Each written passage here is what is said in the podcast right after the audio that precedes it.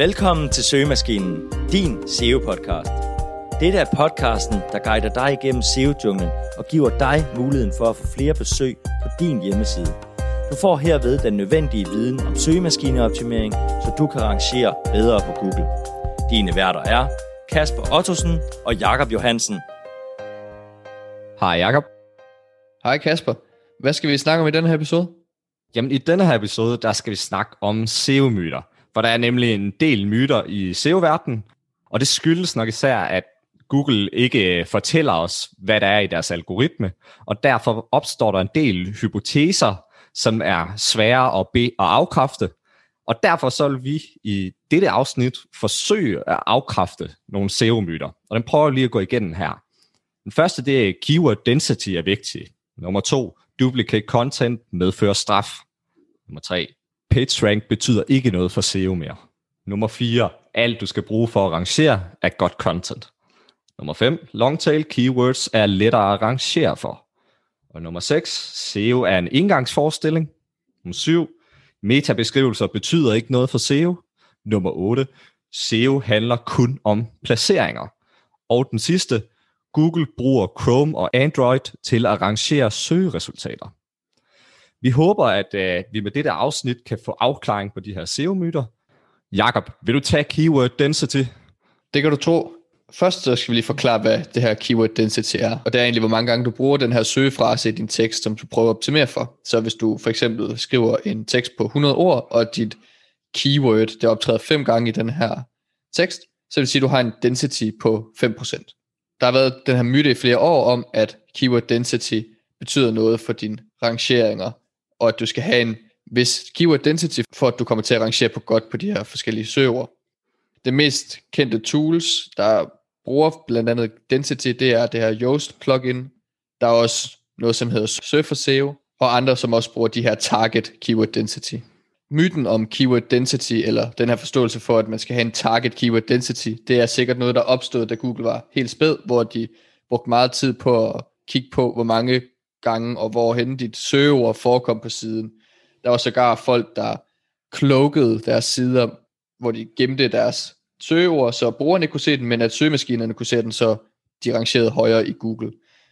Det har Google så sidenhen lavet flere forskellige algoritmer, som modvirker blandt andet Panda-algoritmen, som disse der straffer de her keyword stuffing sider, og stuffing det vil egentlig sige, at du putter en masse keywords ind i din tekst, så du får en rigtig, rigtig høj keyword density. Google er dog blevet meget klogere og meget dygtigere, så de kan se, når at folk de prøver at manipulere med det her, og det er langt fra sådan, det fungerer mere.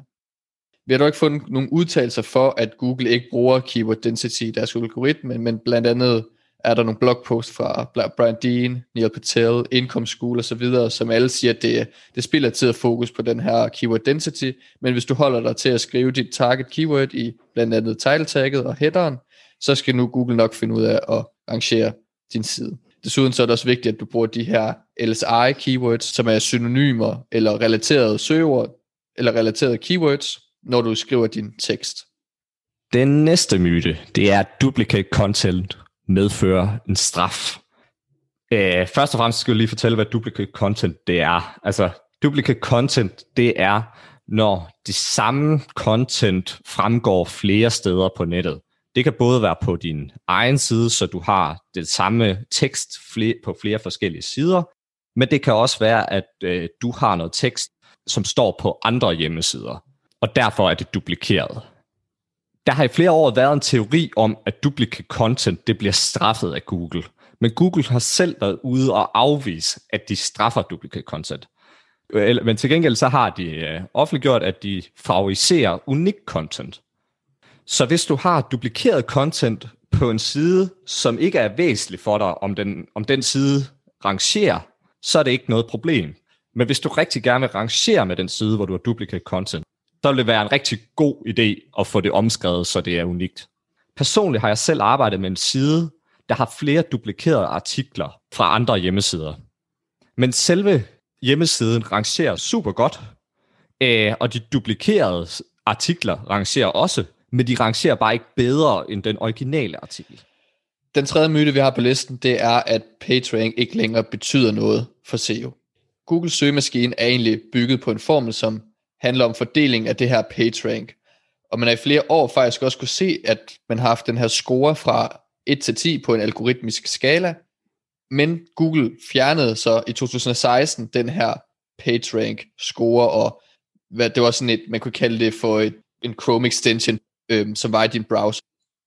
PageRank er grundlæggende den formel, som egentlig fordeler din linkautoritet eller styrke mellem interne og eksterne sider via de her links på din hjemmeside.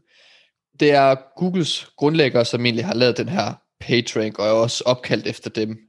Og som I nok ved, at det er Larry Page og Serge Brin. Faktisk så øh, blev det lavet på Stanford Universitet, og de fik faktisk patent på at lave det, som senere blev købt af Google. Google de har så været ude at sige, at PageRank faktisk stadig er en del af deres algoritme, sammen med selvfølgelig mange andre brugersignaler og så videre, og, og andre af de her ranking factors. Så derfor så skal du altså ikke negligere den her PageRank, når du arbejder med SEO. Du skal faktisk have stor fokus på den. Faktisk så var Gary Iles, og undskyld hvis jeg udtaler hans navn forkert, han var ude at sige i 2017 via et tweet, at de stadig bruger PageRank selv efter 18 år. Nå Kasper, vi skal videre til nummer 4, som er en myte, jeg tænker, du godt kunne falde for. Det er nemlig, at man kun skal bruge godt content for at rangere. ja, det, for, det siger linkbuilding-manden selvfølgelig til mig. Øh, en, af, en af de nyere myter er nemlig det her med, at øh, du kun behøver godt content for at rangere. I nogle tilfælde kan det her være rigtigt med, at, at du godt kan rangere uden at have links.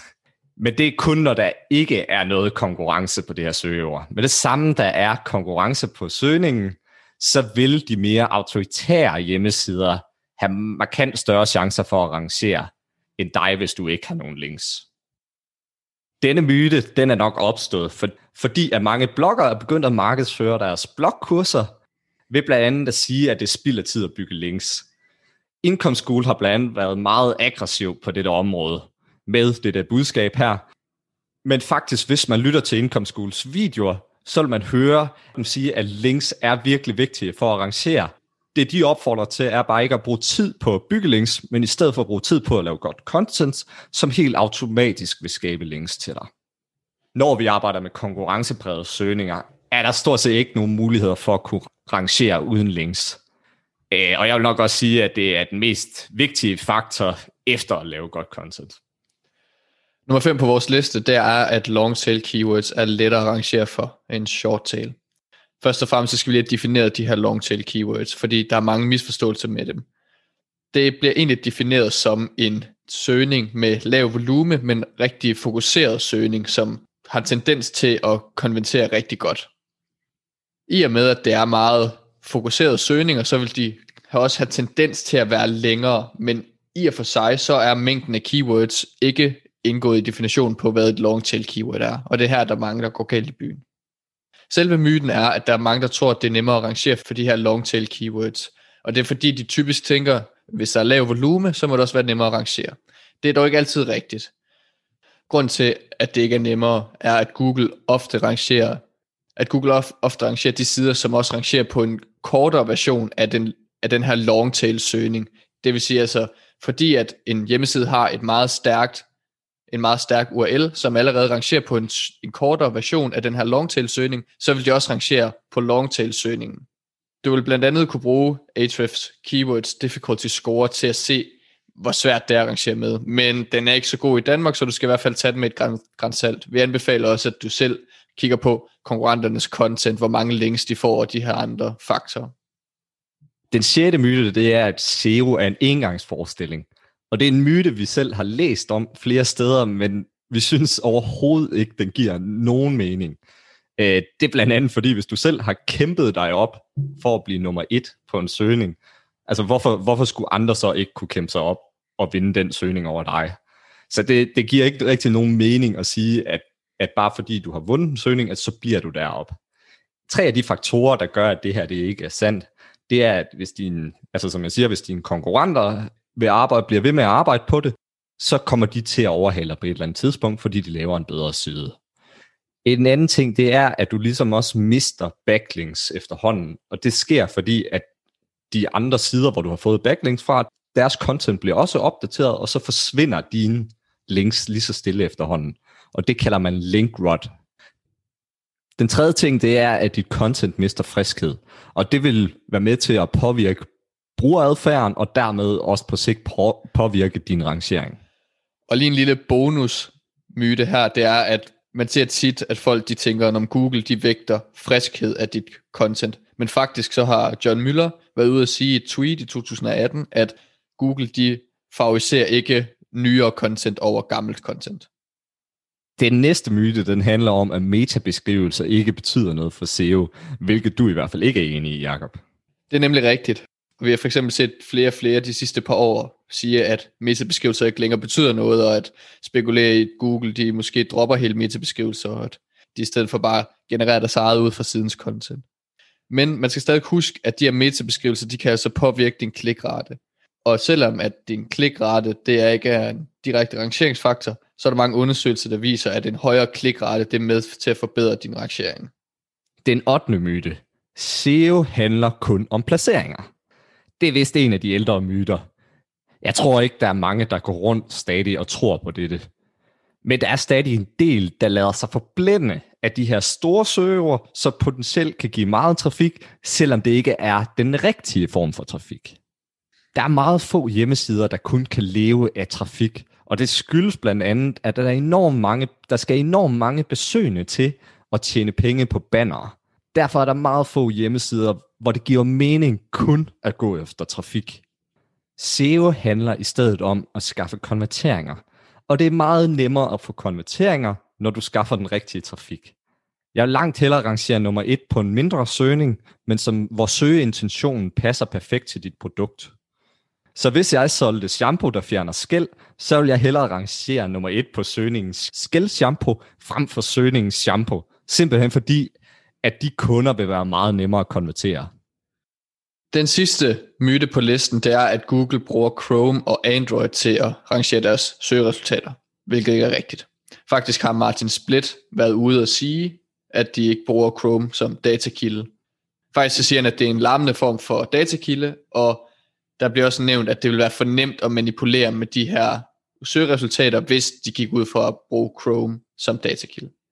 Men det skal så siges, at Martin Split også nævner, at Chrome de bruges til at anskaffe data og lave forskellige typer af test. Så de bruger Chrome til noget, bare ikke til at rangere søgeresultaterne. Min teori til, hvorfor Google ikke bruger Chrome data til at rangere sine søgeresultater, det har lidt mere at gøre med, hvor, hvor sårbar Google egentlig vil være. For du skal tænke på, hvis Google bygger deres algoritme på data, som de vil få igennem Chrome, hvad vil så gøre, hvis der kommer en bedre browser øh, og udkonkurrerer dem? Man kan for eksempel se på Netscape og Explorer, som jo tidligere har været det mest populære browser, hvor efter få år de egentlig er blevet fuldstændig udkonkurreret. Så det vil være meget skrøbeligt for Google at bygge sit fundament på, på det her. Nu har vi været igennem nogle af de SEO-myter, som vi hører derude. Nogle af de learnings fra denne her episode er, at du ikke skal fokusere så meget på keyword density og duplicate content, og kun lave godt content. Til gengæld skal du fokusere på at arbejde med keywords, der konverterer, arbejde med metabeskrivelser og PageRank. Og til sidst, husk nu at være kritisk, når du hører påstanden, som ikke kan bakkes op med data. Mange tak, fordi du lyttede med. Hvis du kunne lide episoden, så vil vi sætte stor pris på, hvis du gider at anmelde den her podcast. Det kan for eksempel være på iTunes eller et andet sted, du lytter til podcast. Og giv den nu gerne fem stjerner. Hvis du er i tvivl om noget, som du har hørt inden for SEO-verdenen, om det er en myte eller ikke, så er du meget velkommen til at sende os en besked. Du finder vores mails i beskrivelsen.